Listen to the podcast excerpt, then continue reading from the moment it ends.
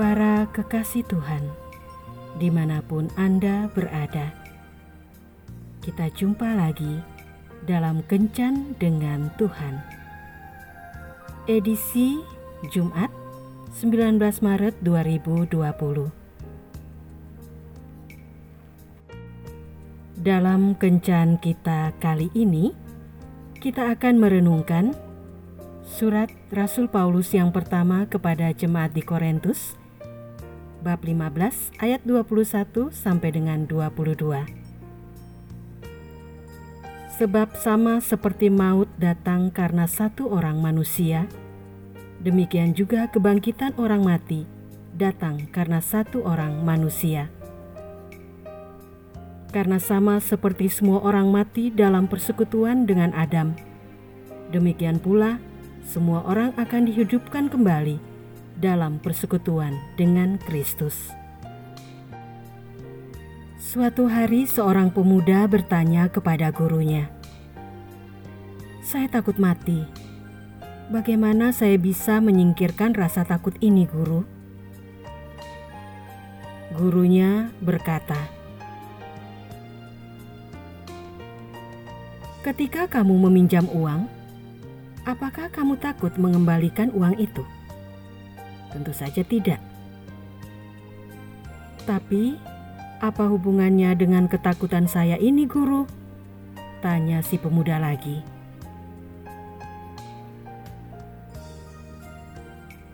Gurunya pun menjawab, "Tubuh ini hanyalah sesuatu yang kita pinjam dari Tuhan. Kita dibentuk olehnya dari debu tanah, tempat di mana kita tinggal dan berjalan." Agar kita tetap bisa terus-menerus mengingat bahwa kita ini sedang menyewa.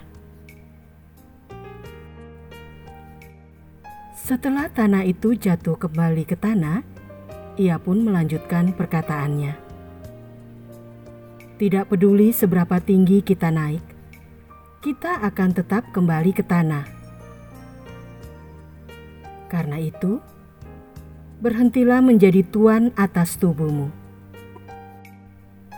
hadapilah kenyataan bahwa kamu hanyalah seorang penyewa.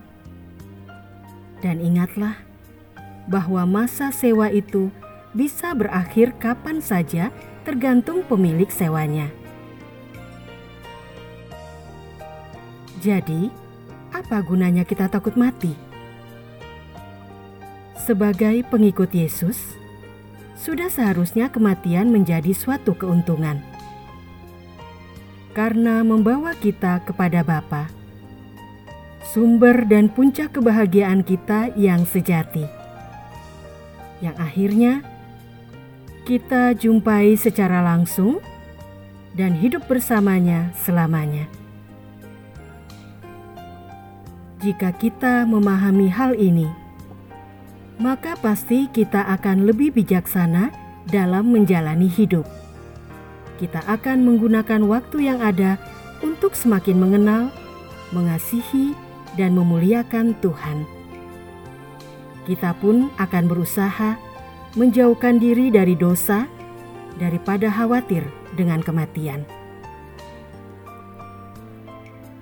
Karena Roh Kudus pasti memberikan kita pengertian bahwa memegang janji keselamatan dan kehidupan kekal saja tidaklah cukup kita perlu hidup secara layak, yang berarti mulia dan terhormat sebagai warga kerajaan surga, sekalipun kita masih hidup di dunia ini. Jadi, bagaimana pandangan kita tentang kematian? Sudahkah kita siap menghadapinya? Mari kita setia dalam iman, pengharapan, dan kasih sehingga kita tidak takut pada kematian. Tuhan Yesus memberkati. Marilah berdoa. Tuhan Yesus, terima kasih karena telah memberiku jaminan hidup kekal di dalam namamu, sehingga aku tidak takut pada kematian. Amin.